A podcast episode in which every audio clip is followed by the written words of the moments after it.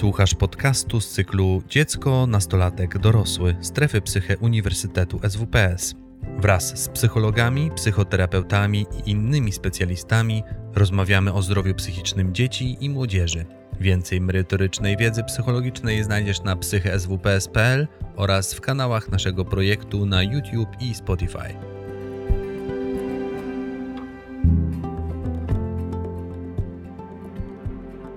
Tytuł e, mojego wystąpienia e, zapowiada, że będę mówić o tym, jak wspierać dzieci w sytuacji, kiedy doświadczają, wszystkie dzieci, które są zaangażowane w e, przemoc rówieśniczą. Natomiast no, chciałabym zacząć od tego, czym jest przemoc i jak ją odróżnić od innych zjawisk, tak, żeby móc później dobrze dobrać sposób oddziaływania, który będzie adekwatny do, do potrzeb osób, które są zaangażowane w tę przemoc.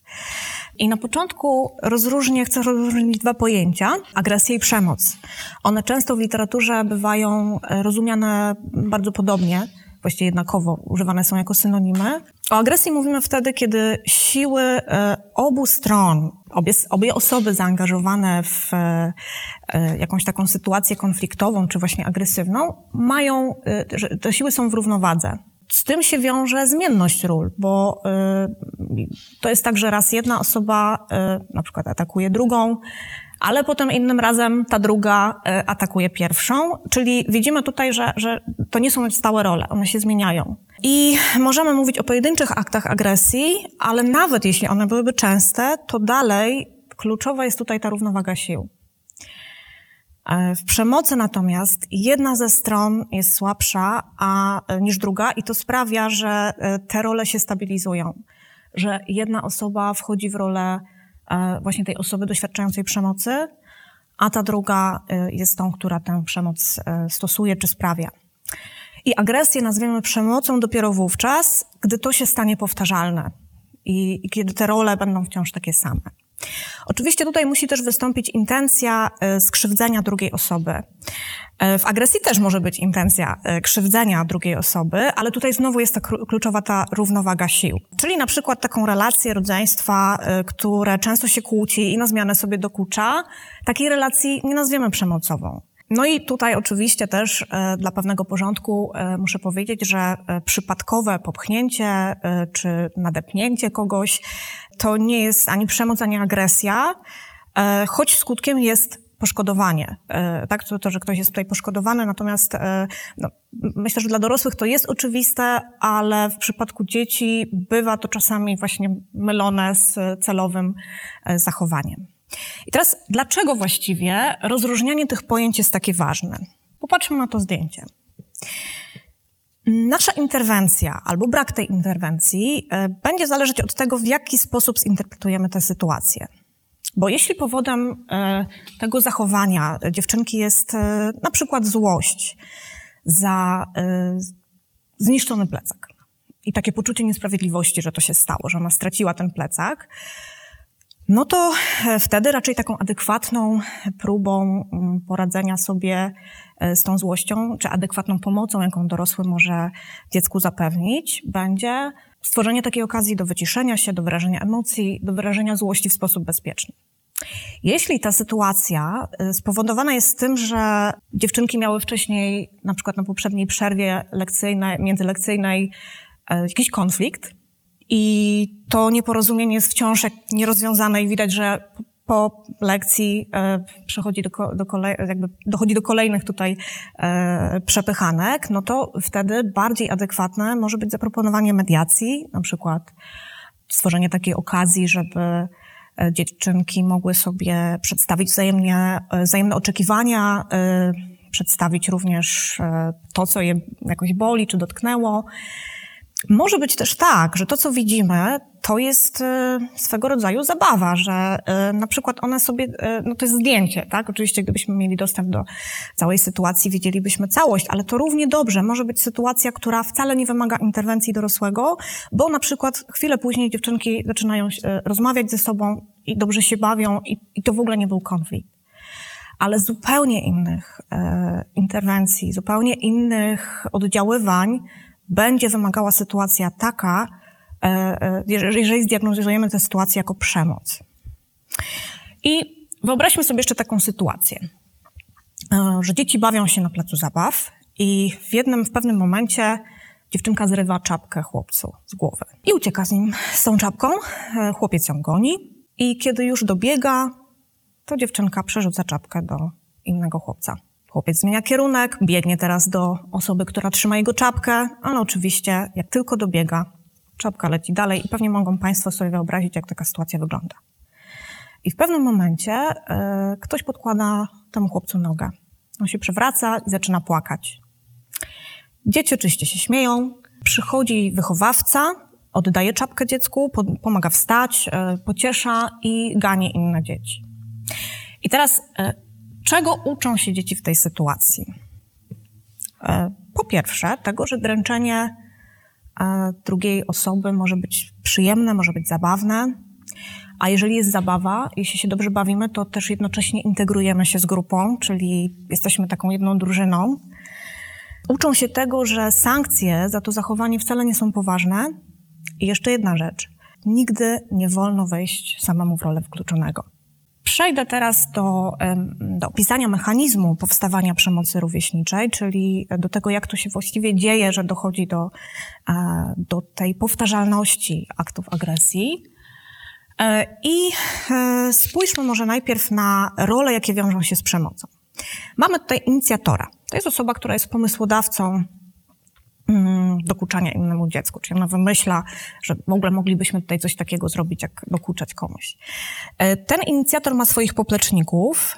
Oni bywają mm, szantażowani tym, że zostanie zerwana przyjaźń między chłopcami albo są szantażowani groźbą użycia przemocy jeśli nie będą współpracować, wspierają i chronią e, inicjatora przed takimi negatywnymi konsekwencjami. Dla mnie szczególnie ciekawą grupą są świadkowie, bo to jest niejednorodna grupa. Tutaj będziemy mieć osoby, które przypatrują się tej sytuacji z zaciekawieniem i może nawet z takim poczuciem, że to jest dobra właśnie rozrywka.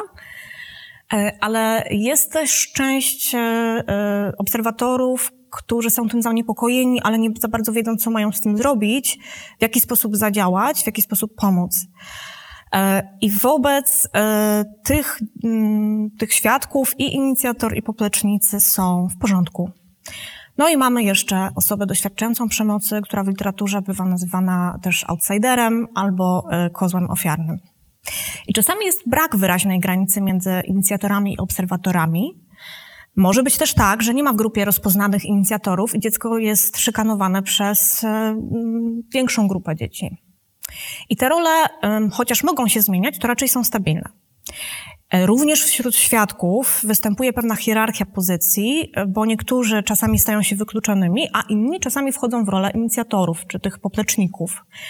Ja wcześniej mówiłam, że świadkowie mają e, zróżnicowaną postawę wobec tej osoby doświadczającej przemocy, a tutaj teraz mówimy o tym, że świadkowie również mogą stosować albo doświadczać tej przemocy.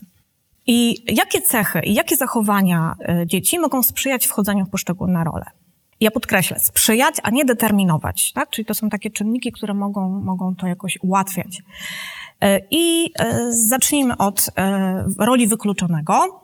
Możemy wyróżnić wśród tych dzieci doświadczających przemocy takie dwa rysy psychologiczne.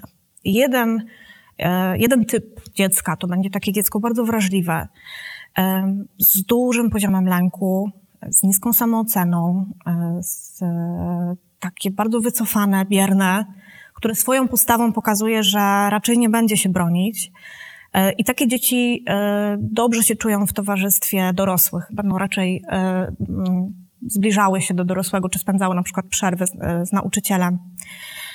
To jest ten typ pasywny. Mm, ten drugi typ to już są takie dzieci, które są bardzo niespokojne, mogą mieć porywczy temperament. Jak są zaczepione, to próbują się bić, ale często z niepowodzeniem wytwarzają wokół siebie taką atmosferę irytacji i, i napięcia. E, I bywa też tak, że sami próbują dokuczyć innym. E, no i są też nielubiani przez e, dorosłych. Tak, dorośli mają takie poczucie, że, że to, to zachowanie jest bardzo irytujące i mogą też na przykład donosić na kolegów. Przy czym tutaj chcę podkreślić, że nie mówimy, ja nie mówię o, o sytuacji donosze, mówienia o tym, że dzieje mi się krzywda, bo do tego jeszcze wrócę, to, to jest zupełnie inna kwestia. Mówię o takim donoszeniu, e, mówieniu o czymś, żeby zrobić na złość osobie, na którą donoszę. E, I tutaj jeszcze dodam, że ja nie lubię tego określenia typ prowokujący, ponieważ jak w taki sposób to ujmujemy, to przypisujemy odpowiedzialność temu dziecku e, pokrzywdzonemu. E, ja właściwie widzę w tych zachowaniach taką energię i, i próbę wyrównania tej nierównowagi, o której mówiłam wcześniej, próbę wpłynięcia na swoją sytuację i pewną sprawczość. Więc ten, ten, to określenie prowokują, prowokujące jest bardzo, moim zdaniem, niefortunne, no ale tak, tak tutaj możemy to znaleźć w literaturze. I e, osoba, która systematycznie podlega przemocy, to też myślę warto e, e, powiedzieć, ona się staje nieufna wobec innych i nawet jeżeli jakieś zachowania wobec niej są przejawiane, które wcale nie są przemocą, to ona może je tak właśnie postrzegać, że to było przemocowe, że to było agresywne. To przejdźmy może też teraz do, do, do dzieci, które stosują przemoc. One mogą się charakteryzować większą siłą fizyczną, nieposłuszeństwem wobec dorosłych, ale trzeba podkreślić, że nie zawsze tak musi być. To też mogą być dzieci, które mają przeciętne albo wysokie kompetencje społeczne. One wtedy stosują taką przemoc w białych rękawiczkach. E, to mogą być też osoby, które są posłuszne, e, grzeczne wobec dorosłych, ale właśnie w grupie rówieśniczej e, zachowują się inaczej. E, mogą mieć e, potrzebę dominacji, mogą też e, lubić przemoc, tak, czy jakoś interesować się mocno przemocą, ale to też będą dzieci, które będą zmniejszały swoją odpowiedzialność za przemoc, czyli na przykład inni robią to samo, tak, będą to bagatelizować, albo będą, będą obwiniać osobę doświadczającą przemocy. O tym też jeszcze będę mówiła. I tutaj trzeba pamiętać, że te dzieci niejednokrotnie same doświadczają przemocy, na przykład ze strony dorosłych. No i e, przejdźmy do tych moich ulubionych świadków, bo jak to się dzieje, że tyle osób wie o przemocy, mówię tutaj o dzieciach, ale nikt nic z tym nie robi, jak to jest możliwe? Więc popatrzmy trochę z perspektywy świadków, jak oni zapatrują się na sytuację, na, na, na to, co widzą. E, bo tak jak powiedziałam, część z nich może widzieć w tym dobrą rozrywkę, e, część dzieci doświadcza smutku, współczucia, chętnie by wsparły to dziecko, ale mm, obawiają się, że za chwilę staną się też e, poszkodowane i też, też będą w tej samej roli. Czasem też się złoszczą na tą osobę, zwłaszcza na, właściwie na, bo chciałam powiedzieć, że zwłaszcza na ten typ e, pasywny, ale na ten prowokujący też, że oni trochę właśnie też obwiniają, tak? Oni sami sobie to robią. Dlaczego on jest taki e, irytujący? Albo dlaczego on się nie obroni? Tak? Takie myśli im e, przebiegają E, przez głowę. I co ciekawe, nawet te osoby, które widzą w tym e, dobrą rozrywkę, e, i według mnie to jest duży zasób w tej sytuacji. Wielu świadków, wiele, wiele świadków to są osoby, które cechują się refleksyjnością, które mają, które jak porozmawia się z nimi jeden na jeden, to prezentują się zupełnie inaczej niż gdy są częścią grupy. Wtedy podporządkowują się, jeżeli są w grupie, podporządkowują się przymusowi grupy. Co jeszcze sprzyja wejściu w rolę osoby doświadczającej e, przemocy? E, I tutaj chciałabym powiedzieć e, o takich bardziej czynnikach sytuacyjnych, o już takiej, takich też czynnikach związanych właśnie z relacjami z innymi, z takich interakcyjnych bardziej, bo, bo wcześniej omówiłam te takie osobowościowe. Może zacząć się od takiego zwykłego, jeśli Kasia nienawidzi Basi, to coś w tym musi być. Dzieci nie sprawdzają czasami tego, czy tak rzeczywiście jest, czy tu są rzeczywiście powody do tego, żeby e, danego dziecka nie lubić, tylko przyklejają sobie już taką etykietkę do tejże Basi, na przykładowej. E, może być też tak, że ta niechlubna opinia o dziecku niesie się właśnie od osoby do osoby. Może być nawet też między, pojawić się między różnymi klasami, właściwie w różnych klasach, tak? Jak nie, nie, nie tylko ograniczyć się do tej jednej klasy. I to jeszcze bardziej utrudnia wyjście z tej roli, tej osobie poszkodowanej. I wyzwolenie się z tej pozycji wykluczonego jest możliwe czasami dopiero wtedy, jeśli zmieni się grupę. I tutaj też jest to ciekawe, że to wcale nie musi wtedy być tak, że to dziecko będzie okazywało dużo empatii yy, i współczucia, współodczuwania z innymi dziećmi, może być przeciwnie, że ono samo będzie, wejdzie w, w rolę osoby sprawiającej przemoc. E, z jednej strony, e, żeby zobaczyć właśnie, jak to jest być silniejszym, ale z drugiej strony, żeby zrobić wszystko, żeby znowu nie być w tej pozycji osoby e, doświadczającej przemocy, mm, już lepiej być po tamtej stronie. To, aha, no i jeszcze też ważna rzecz, że, że to stabilizowanie się e, roli i e, to, że, że, że właśnie mamy te czynniki takie sprzyjające, to ułatwia też fakt, że dzieci po prostu się boją zareagować i świadkowie obawiają się, e, że będą szykanowani ze strony, przez inicjatorów. Czyli tutaj mamy ten początek, jak to się zaczyna i teraz jak to dalej krzepnie, jak to się stabilizuje. Gdy osoba doświadczająca przemocy prosi o pomoc, y, otoczenie często reaguje tak. No, straszne rzeczy, jesteś przewrażliwiony. Albo to przecież tylko żarty, nie przejmuj się tym. Albo, y, no wiesz, tak to już po prostu między dziećmi lub między nastolatkami jest. To jest jakoś wpisane w dzieciństwo. Tacy są uczniowie.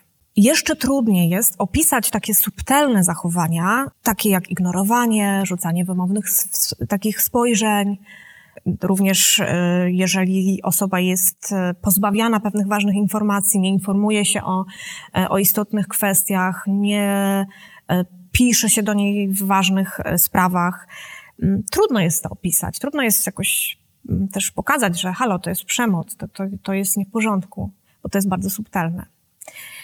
E, no i jeszcze o rozproszeniu odpowiedzialności, czyli poplecznicy mówią, e, on mi kazał, dlatego to zrobiłem. E, inicjator mówi, ale ja tutaj tylko patrzyłem, ja, jakby nie, nie, nie, nic nie zrobiłem. A świadkowie, my tylko patrzyliśmy, obserwowaliśmy, czyli odpowiedzialność za to, co się dzieje, rozmywa się. Szykanowany uczeń próbuje coś zmienić w swojej sytuacji, bo jeszcze ma to poczucie sprawczości, tak? Jesteśmy gdzieś, gdzieś tutaj na początku. Tylko, że jego zachowania spotykają się z kolejnymi etykietami, niezależnie od tego, co zrobi. Mm, jeśli dziecko próbuje zbliżyć się do grupy, no to słyszy, że narzucasz się odejść. A jeśli próbuje w takim razie zbliżyć się do nauczyciela, no to pupilek pani. Jeśli z kolei dziecko podnosi swoją wartość jakimiś gadżetami, drogimi rzeczami, to jest nazywany pozerem, Choć oczywiście, e, jeśli robi to samo inicjator, albo jeśli robi to jakiś lider klasowy, to, to jest takie zachowanie całkowicie normalne, nikt wtedy nic e, nie mówi. Kiedy dziecko ostatecznie wycofuje się, no to jest uznane za tchórza albo jest jakieś dziwadło, dziwoląga, on jest dziwny. Oczywiście taka sytuacja sprawia, że dzieci e, doświadczają stresu i napięcia i w związku z tym stresem i napięciem mogą też mieć różne wpadki, potknięcia, mogą się przewrócić, no, różne tego typu rzeczy. Mm, no i to oczywiście też może się skończyć etykietą niezdara e, głupek. I bywa też tak, że dziecko przyjmuje taką strategię, ok, to będę zabawny, będę śmieszny, e, czyli przyjmuje taką rolę takiego błazna klasowego, bo to, że przez chwilę, chociaż jestem atrakcyjny, przez chwilę oni ze mną e, są w kontakcie, śmieją się z tego, co robię, czyli właśnie jestem w kontakcie z innymi, bo to daje takie poczucie, że jednak jestem częścią grupy. Ale kończy się to łatką, ale świr, ale wariat. I to, co u jednej osoby zostanie szybko zapomniane, na przykład tak jak mówiłam o tych wpadkach, to u wykluczonego zostanie uznane za typowe i zostanie mocno zapamiętane. E, nauczyciele też, czy dorośli mogą się złościć o to, że dzieci się tak zachowują, że właśnie się przechwalają jakimiś e, gadżetami, e, że się wycofują, albo właśnie, że, że błaznują, ale nie widzą w tym tego, że jest to strategia radzenia sobie z tą przemocą. Czyli dochodzimy do takiej sytuacji, że zaczyna się toczyć błędne koło. Grupa przypisuje osobie rolę no, wykluczonego, outsidera, E, osoba, której e, te role przypisano, zaczyna się zachowywać według tych wzorców zachowań, o których powiedziałam przed chwilą. Grupa uzasadnia e, wykluczenie tym, że widzi to zachowanie i nadaje taką, a nie inną etykietę. I to wykluczenie potęguje te zachowania, co nie pozwala wyjść z tej etykiety outsidera wykluczonego i koło się toczy. I teraz, jakie korzyści ma grupa z przemocy? Mm. To jest może zaskakujące pytanie, bo jak to korzyści? E, jednak te zachowania czemuś służą, bo przemoc jest takim swoistym wentylem, który pozwala na przykład wy, wyładować złość e, nagromadzoną, na przykład po sprawdzianie albo w jakichś innych sytuacjach szkolnych. E, czyli mogę się na kimś, e, mogę po prostu tę złość wtedy wyładować na jakiejś konkretnej osobie. Ona też pozwala, o czym wspomniałam wcześniej, na to, że grupa się integruje, że staje się spójna, że mamy jako klasa, wspólny, choć niechlubny cel. To też daje poczucie stabilności, e, dlatego że role są jasno rozdane. O, o tym też wspominałam wcześniej. I to daje pewne poczucie bezpieczeństwa, oczywiście wszystkim tym, którzy nie są w roli pokrzywdzonego. I tutaj pojawia się ważne pytanie, bo jeśli zabierzemy grupie przemoc, yy, zabierzemy w cudzysłowie, jeżeli chcemy yy, dążyć do tego, żeby jej nie było, to co im damy w zamian? Yy, czyli diagnoza musi objąć również ten aspekt specyfiki funkcji przemocy, czyli do czego ona danej grupie jest potrzebna, co ona tam załatwia, co, czemu to służy. I jak sobie odpowiemy na to pytanie, że na przykład w tej grupie przemoc służy temu, że że chodzi tutaj właśnie o integrację bardziej, bo, bo, bo grupa nie ma poczucia spójności, e, albo z drugiej strony tutaj chodzi o to, żeby sobie e, wyładować emocje, no to wtedy inaczej będziemy planować interwencję. Ale ja o tym jeszcze będę mówiła. Dlaczego dzieci milczą? Ze wstydu. Wstydzą się, że są e, dręczone. Boją się również zemsty ze strony osób sprawiających przemoc. Boją się, że to pogorszy sytuację. Również dlatego, że e, z tych powodów, jak mówiłam wcześniej, że kiedy zgłaszają, to e, słyszą, że to jest właściwie w porządku, że nic takiego się nie dzieje, tak to już po prostu jest, to jest wpisane w dzieciństwo. No i nauczyli się, że donoszenie e, jest nie w porządku, że to niedobrze jest skarżyć. Ja do tego jeszcze wrócę, bo to też mi się wydaje ważną rzeczą. No i powód, który mnie najbardziej porusza. One nie wierzą, że ktoś będzie im w stanie pomóc. One się boją też tego, że to zostanie zlekceważone. I teraz jak rozpoznać osobę, która doświadcza e, przemocy? I tutaj mm, możemy zobaczyć takie e, zachowania, czy no, zachowania pewnie głównie, e, które są mocno związane, takie bardzo specyficzne dla przemocy, ale też takie, które są właśnie mogą być wskaźnikiem też, czy mogą wskazywać na inne trudności. Więc ja je sobie podzieliłam i zacznę od tych bardzo specyficznych. Czyli musimy sobie zadać pytanie, czy e, dana osoba jest często, może częściej niż inni, izolowana w grupie, czy na przykład siedzi osobno, nie bierze udziału w dyskusji, nie wykazuje gotowości do współpracy, e, czy częściej niż inni pada ofiarą żartów i agresji, e, czy podważana jest wartość tej osoby, na przykład, że mm, jest głupi, że on śmierdzi, że jest ośmieszany na forum klasy, czy rozpowiada się o niej plotki, e, czy padają pewne oszczerstwa, czy próbuje się jakoś zniesławić, e, czy widoczne są ślady cielesnego dręczenia czy rzeczy, które należą do tej osoby są y, niszczone albo w ogóle znikają. I tutaj też myślę ważna rzecz, czy na dzieci, które starają się solidaryzować y, z tym dzieckiem, kładziony jest nacisk, żeby tego nie robić. Lub też, czy podburza się inne dzieci do tego, żeby stosowały wobec y, agresję i, i przemoc wobec tego dziecka.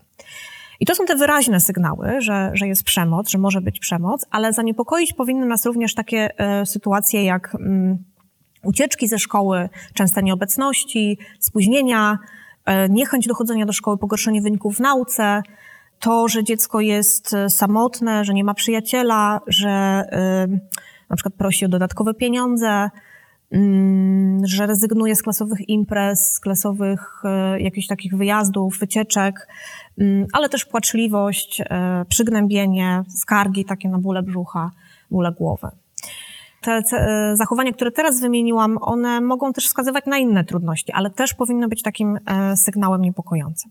Tutaj wtrącę jeszcze tylko parę słów na temat cyberprzemocy, bo e, ona jest dosyć specyficzna. To jest przemoc z użyciem technologii komunikacyjnych i informacyjnych. Chodzi tutaj o internet, o telefony komórkowe e, i podstawowe takie zjawiska związane z przemocą w e, sieci e, to nękanie, to może być też straszenie, zastraszanie, szantażowanie z użyciem sieci, podszywanie się pod kogoś i publikowanie kompromitujących e, materiałów. I zasadniczo mechanizmy są takie same w tej tradycyjnej przemocy i w cyberprzemocy, ale wskażę na kilka istotnych e, różnic. W tradycyjnej, przepraszam, w cyberprzemocy tu jest zdecydowanie większy poziom anonimowości sprawcy. Mogły być mm, na przykład pod pseudonimem i nikt nie wie, że, to, że ja to ja. Tutaj też ważniejsza niż siła fizyczna jest umiejętność wykorzystania możliwości właśnie sieci. To jest akurat teraz to, co powiem, mm, dość niepokojące, że jest stałe narażenie na atak, niezależnie od, od e, miejsca i pory dnia, bo jednak w szkole jest to ograniczone do tego, że jestem na przerwie, idę do domu, już mam święty spokój, e, a tutaj właściwie ta przemoc może się dziać cały czas. Niski poziom kontroli społecznej, no i powtarzalność, kopiowalność, możliwość powielania tego, co zostało umieszczone, nawet już wbrew woli tej osoby, która to opublikowała. Tak? To już zaczyna się trochę toczyć własnym życiem. E, I e, cechy internetu, które sprzyjają cyberprzemocy, to właśnie ta anonimowość i powtarzalność, ale jest jeszcze jedna rzecz. To jest to, że ja nie widzę bezpośrednio, nie widzę tych skutków, które moje działanie wyrządza, nie widzę tych szkód. A kiedy ich nie widzę, to łatwiej jest przekraczać granice. Króciutko jeszcze powiem o konsekwencjach doświadczonej przemocy, bo to mogą być e, różne zaburzenia psychosomatyczne, depresja, e, stres pourazowy, to mogą się pojawiać myśli samobójcze czy, czy e, nawet samobójstwa i niskie poczucie własnej wartości. Ale tak nie musi być. I to wszystko będzie zależało od tego, jak długo trwa przemoc, od też takich zasobów, które są po stronie dziecka, czyli od tego, czy ono jest właśnie, czy ma taką dużą odporność psychiczną, ale też od tego, kiedy dorosły zainterweniuje. E, no i teraz właśnie przechodzę już do tego chyba, co jest najbardziej, co jest tym clue tego wystąpienia, czyli jak e, wspierać dzieci zaangażowane w przemoc. I najlepiej jest, kiedy takie dziecko pokrzywdzone może w pierwszej kolejności zwrócić się do rodzica.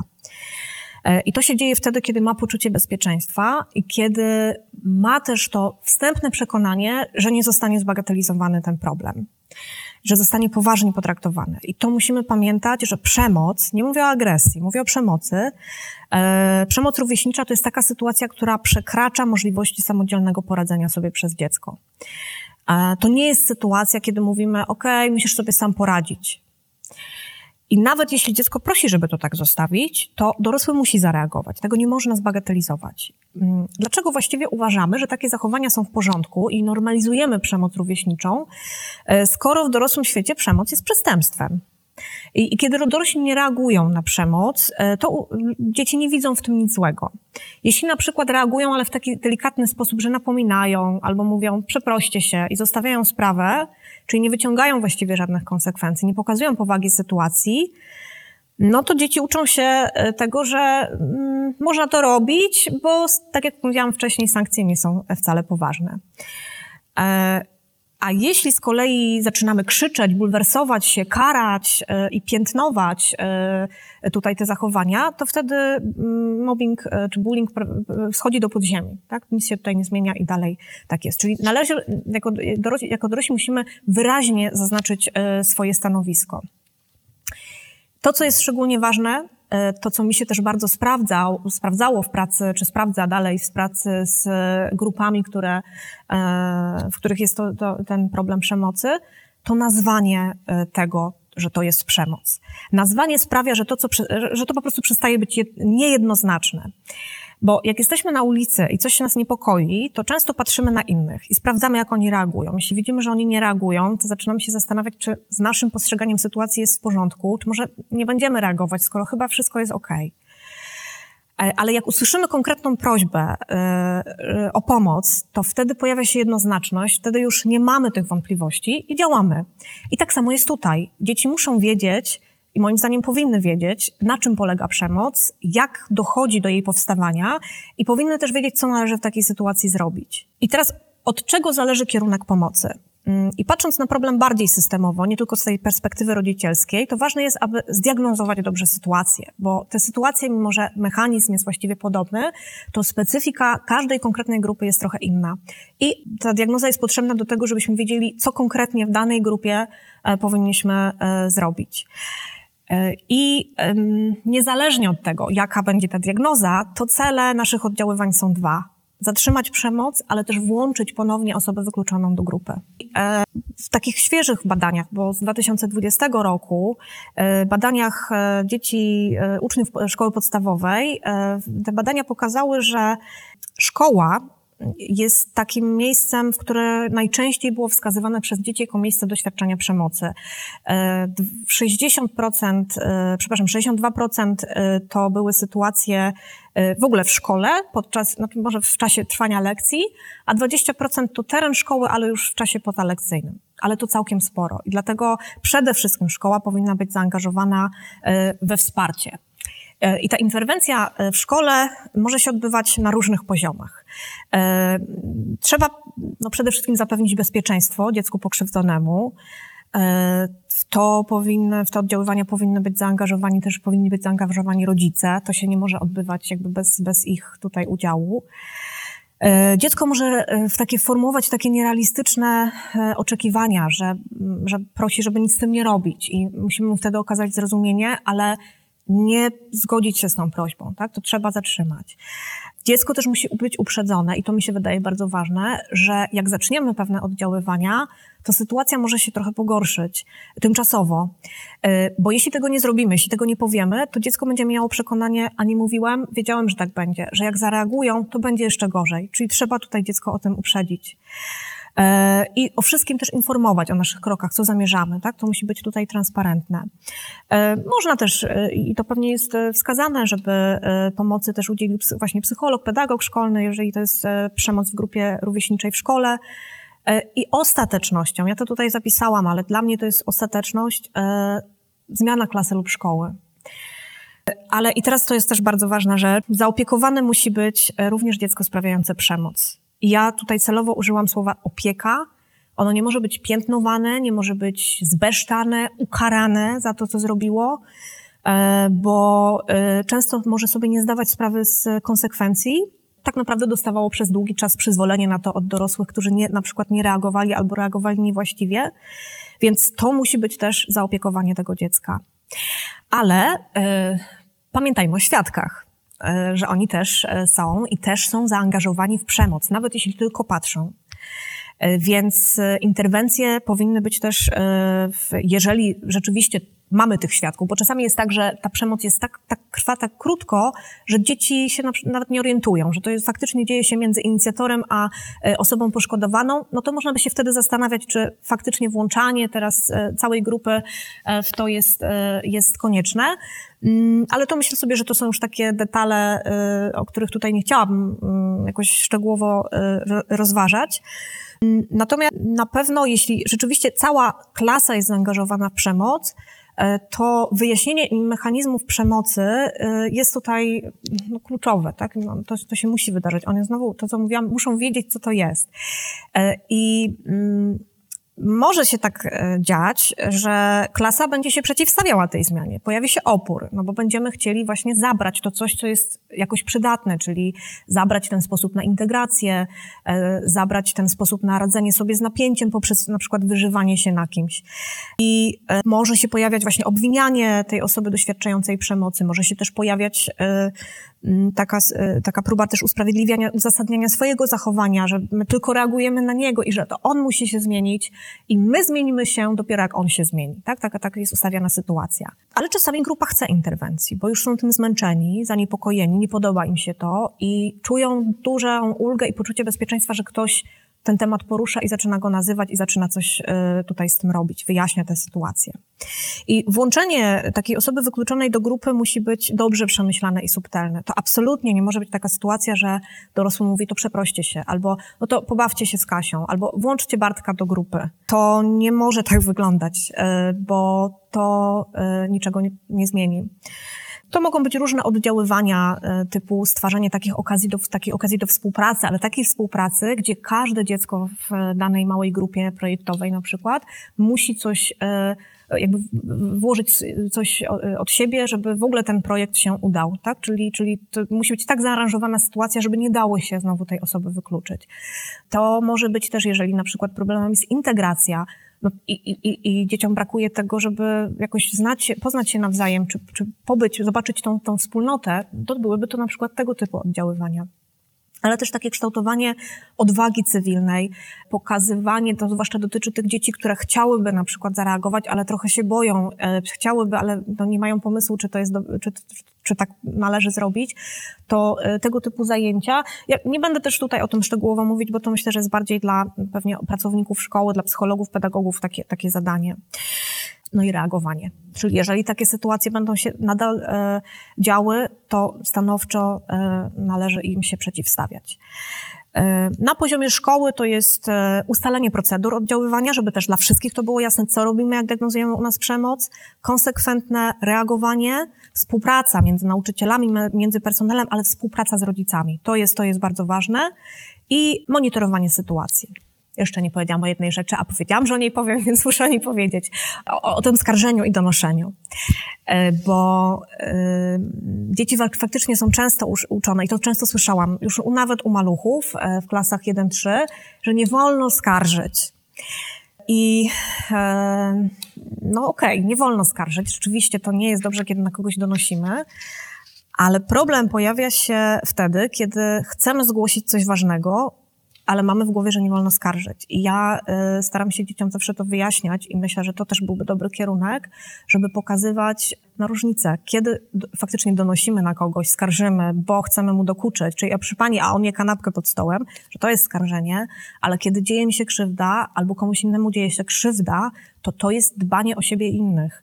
Czyli y, to jest ta bardzo ważna różnica, którą należy i, i w, taką, w tę różnicę, w postrzeganie tej różnicy należy dzieci wyposażać właściwie już od samego początku. I teraz na zakończenie. E, chciałam powiedzieć, że ja właśnie nie używałam takich e, tutaj, e, znaczy używałam celowo takich mało wygodnych określeń jak osoba doświadczająca przemocy, osoba sprawiająca czy stosująca przemoc. Mm, unikałam takich bardzo popularnych określeń jak ofiara przemocy, sprawca przemocy. E, bo e, myślenie o sobie jako ofierze czy sprawcy przemocy jest piętnujące, stygmatyzujące i na poziomie języka już warto zadbać o to, żeby dzieci miały poczucie, że nie są skazane na te role, że nie są bezwolne i bezradne jak ofiara, ani złe i zepsute jak sprawca. Bo obie te role to są tylko pewne wzorce zachowań, które przy pomocy osób dorosłych są możliwe do zmiany. I już naprawdę na zakończenie. E, pamiętam takiego chłopca, który po rozwiązaniu sytuacji e, takiej przemocowej swojej powiedział, że gdyby wiedział, że to można szybko zakończyć, że to można zakończyć, to on nie zwlekałby zgłoszeniem, e, ze zgłoszeniem tego, zrobiłby to dużo wcześniej. Dziękuję za uwagę. Tak, tak mi się skojarzyło z tym, z tym tematem coś, co, co usłyszałem na, na moim szkoleniu psychoterapeutycznym, jeżeli chodzi o ogólnie pracę z dziećmi i młodzieżą i, i ten temat agresji, przemocy że taką interwencją, która wydaje się, czy może wydawać, być skuteczna, e, to jest e, wysłanie dziecka doświadczającego przemocy na e, jako, jakiś trening samoobrony, czy, czy czegoś takiego angażującego fizycznie. Nie po to, żeby stosowało, ale żeby, żeby pobudzić, pobudzie, żeby zwiększyć swoją pewność i, i, i poczucie wartości, mhm. też siłę. Nie wiem, co pani doktor o tym o tym Nie myśli? miałam już miejsca, żeby o tym powiedzieć, ale y, też e, właśnie to jest ciekawy wątek tego, jak, jak dorośli, my dorośli podchodzimy do mhm. agresji, nie przemocy, ale tak. agresji. E, bo y, czasami dorośli czy rodzice mówią, ja nie chcę, żeby on był agresywny, nie możesz bić innych, nie możesz mhm. być właśnie agresywny, nie możesz się nawet złościć, to też tak. często jest, nie złość tak. E, tymczasem i złość jest bardzo ważna i agresja też jest e, czasami potrzebna, żeby właśnie zaznaczyć swoje granice. Mhm. No bo jeżeli pojawia się złość, e, to ona jest sygnałem tego, że coś jest nie tak, że ktoś być może naruszył moje granice, że jakieś moje potrzeby może są niezaspokojone, że jest jakaś niesprawiedliwość tutaj nastąpiła. E, I złość, e, jako taka bardzo energetyczna emocja, sprawia, że e, chcemy działać, żeby tak. o siebie tutaj zadbać. Mhm.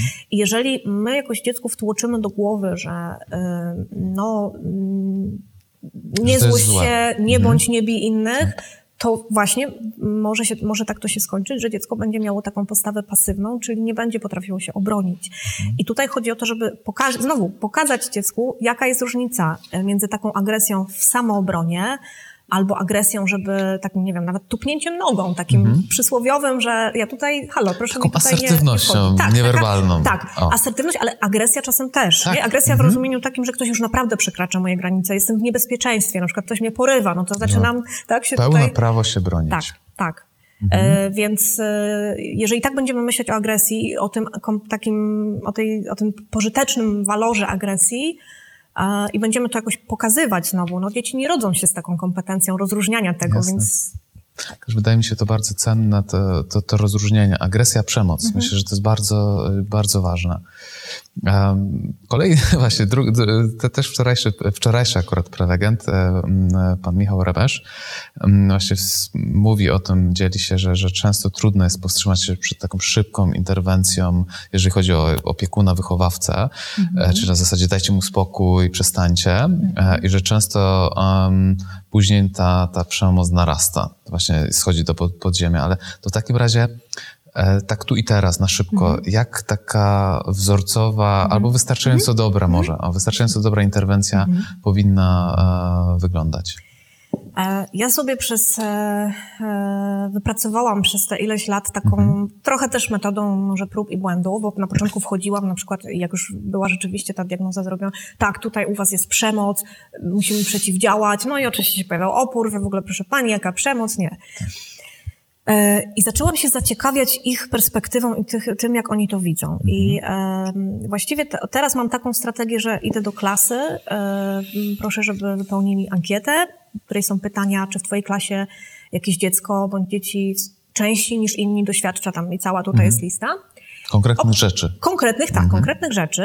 Opracowuję sobie wyniki i przychodzę im zaprezentować te wyniki. I najczęściej te wyniki są takie, że przemoc już trwa od długiego czasu, że doświadcza jej e, e, właśnie ileś osób i wtedy rozmawiamy. I ja wtedy się właśnie, już nie mówię, o, u was jest przemoc.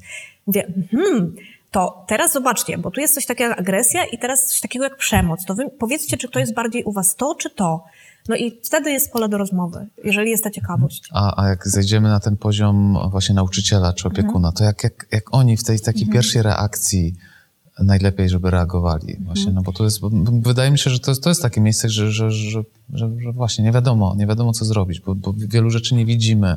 Nie wiemy, czy to jest sytuacyjne, czy właśnie tak, tak trwa, czy może tam w podziemiu się coś dzieje. Pewnie taka obserwacja i, i uważność długotrwała jest ważna, ale, ale w tym momencie to, to, to właśnie jak, jak zwrócić uwagę, żeby to było dobre zwrócenie uwagi, e, takie, które ma szansę długofalowo przynajmniej nie pogorszyć, ale, ale przy, ochronić przynajmniej tu i teraz. To myślę, że to, jeżeli to się dzieje właśnie na terenie szkoły, to współpracowałabym rzeczywiście wtedy z, również z psychologiem, tak żeby tutaj zaprojektować, e, no, zrobić tą dobrą diagnozę i sprawdzić też, czemu ta, ta przemoc służy w danej grupie, ale na pewno to, co, to, co musi się pojawić, to powaga, to nie, nie bagatelizowanie tego i nie mówienie właśnie przeproście się albo ja ci wpiszę uwagę i koniec, e, tylko mm, ja właśnie jak e, robiłam szkolenia dla nauczycieli, to mocno podkreślałam te różnice, żeby nie dali się zwieść temu, że e, na przykład dzieci mówią, że albo to on zaczął, albo że muszą się temu przyjrzeć. Czy to, naj, czy to często jest tak, że właśnie to jedno dziecko e, doświadcza jakichś aktów agresji. U, uczulanie się nawzajem, jeżeli już jest taka, są przesłanki do tego, że dane dziecko doświadcza przemocy, to żeby w takim razie nauczyciele ze sobą współpracowali, żeby oczywiście za zgodą dziecka, za zgodą rodziców powiedzieć o tym i wtedy na przykład zwiększyć czujność na przerwach i sprawdzić, o co tutaj chodzi. Ale na pewno to, co wydaje mi się najważniejsze, to stanowczo jakby e, pogadać właśnie z klasą o tym, o tej przemocy, ale też powiedzieć, że tutaj nie ma miejsca na coś takiego. Tak nie może być. stop. Tak. To, to, ale stanowczo.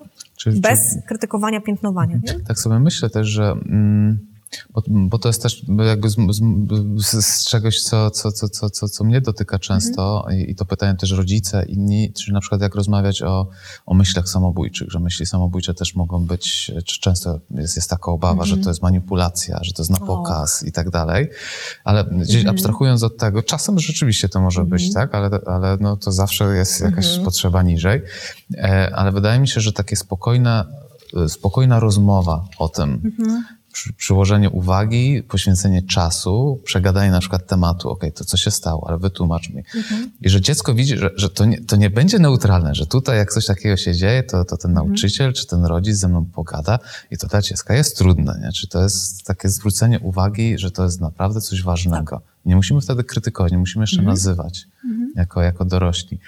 E, tutaj widzę, że się pytania e, tak rozmnożyły.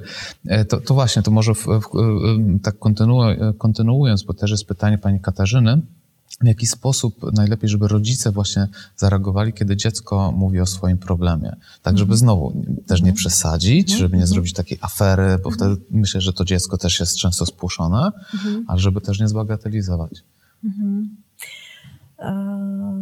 Pewnie warto było pogłębić temat, zadać różne pytania, właśnie mhm. sprawdzić, jaka jest częstość tego, czy rzeczywiście, bo czasami dzieci też, i też miałam takie, taką, pamiętam sytuację, gdzie wydawało się, że, że to jest sytuacja przemocowa, mhm. ale ankieta dała niejednoznaczne wyniki yy, i później w klasie okazało się, że, że percepcja tego dziecka e, była, percepcja sytuacji, spostrzeganie sytuacji było nieadekwatne do do tego, co się działo. Mhm. Ale to była akurat jedna taka sytuacja. Niestety częściej jest tak, że rzeczywiście jest przemoc.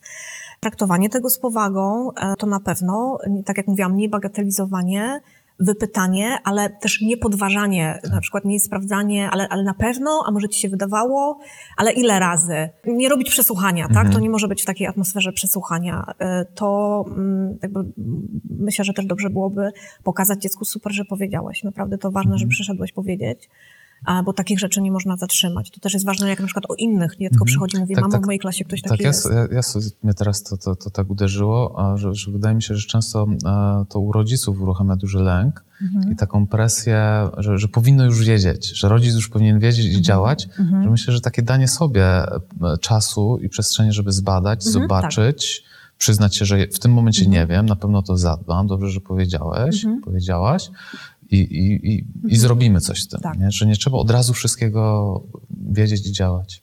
Tak. No właśnie, żeby też nie pójść w drugą stronę, że interweniuję za każdym razem, kiedy moje dziecko pokłóci się z kolegą. Tak. Mhm. Bo, bo, to jest drugi biegun. E, bagatelizowanie z jednej strony, a z drugiej strony interwencja, tak jak pokazywałam to zdjęcie z dwiema dziewczynkami, no czasem, mhm. czasem to się oddaje dzieciom, tak? I one tak. potrafią też same to e, mhm. e, sobie poradzić. I niebezpieczeństwo jest wtedy, kiedy Tę samą zasadę poradźcie sobie sami stosujemy w przypadku przemocy. Dlatego to jest znowu, będę wracać do tego rozróżnienia, to jest ważne, żebyśmy wiedzieli, o czym mówimy. Kiedy odpuścić, a kiedy właśnie y, nie bagatelizować. Ostatnie pytanie, czy prośba bardziej, e, na którą mamy miejsce. E, pan Krystian pyta, czy może Pani polecić jakąś literaturę rozwijającą ten problem? Mhm. Szczególnie odnośnie rozwiązań, co można zrobić i mhm. jakie interwencje podnosić ale to jest duński badacz, to ja nie wiem, czy ja dobrze... Jego nazwisko pisze się Olweus. Mhm. To też książki w języku polskim są. E, a mobbing, on nie używa słowa e, i w ogóle w, tej literaturze nie ma mowy o bullyingu, tylko jest o mobbingu rówieśniczym. Mhm. Więc to to. Karl Dambach też mi przychodzi do głowy, też jest książka w języku polskim. No jeszcze jest trochę książek, ale teraz, teraz mhm. jakoś mi nie przychodzą do głowy. No i oczywiście, o właśnie, ale przychodzi mi do głowy na pewno publikacja e, teraz ostatnio e, Dziecko krzywdzone, wydawane przez Fundację Dajemy Dzieciom Siłę. Cały ostatni numer jest poświęcony przemocy rówieśniczej, więc to warto sobie tam zajrzeć. Jeszcze raz dziękuję ja również Pani doktor dziękuję. za udział.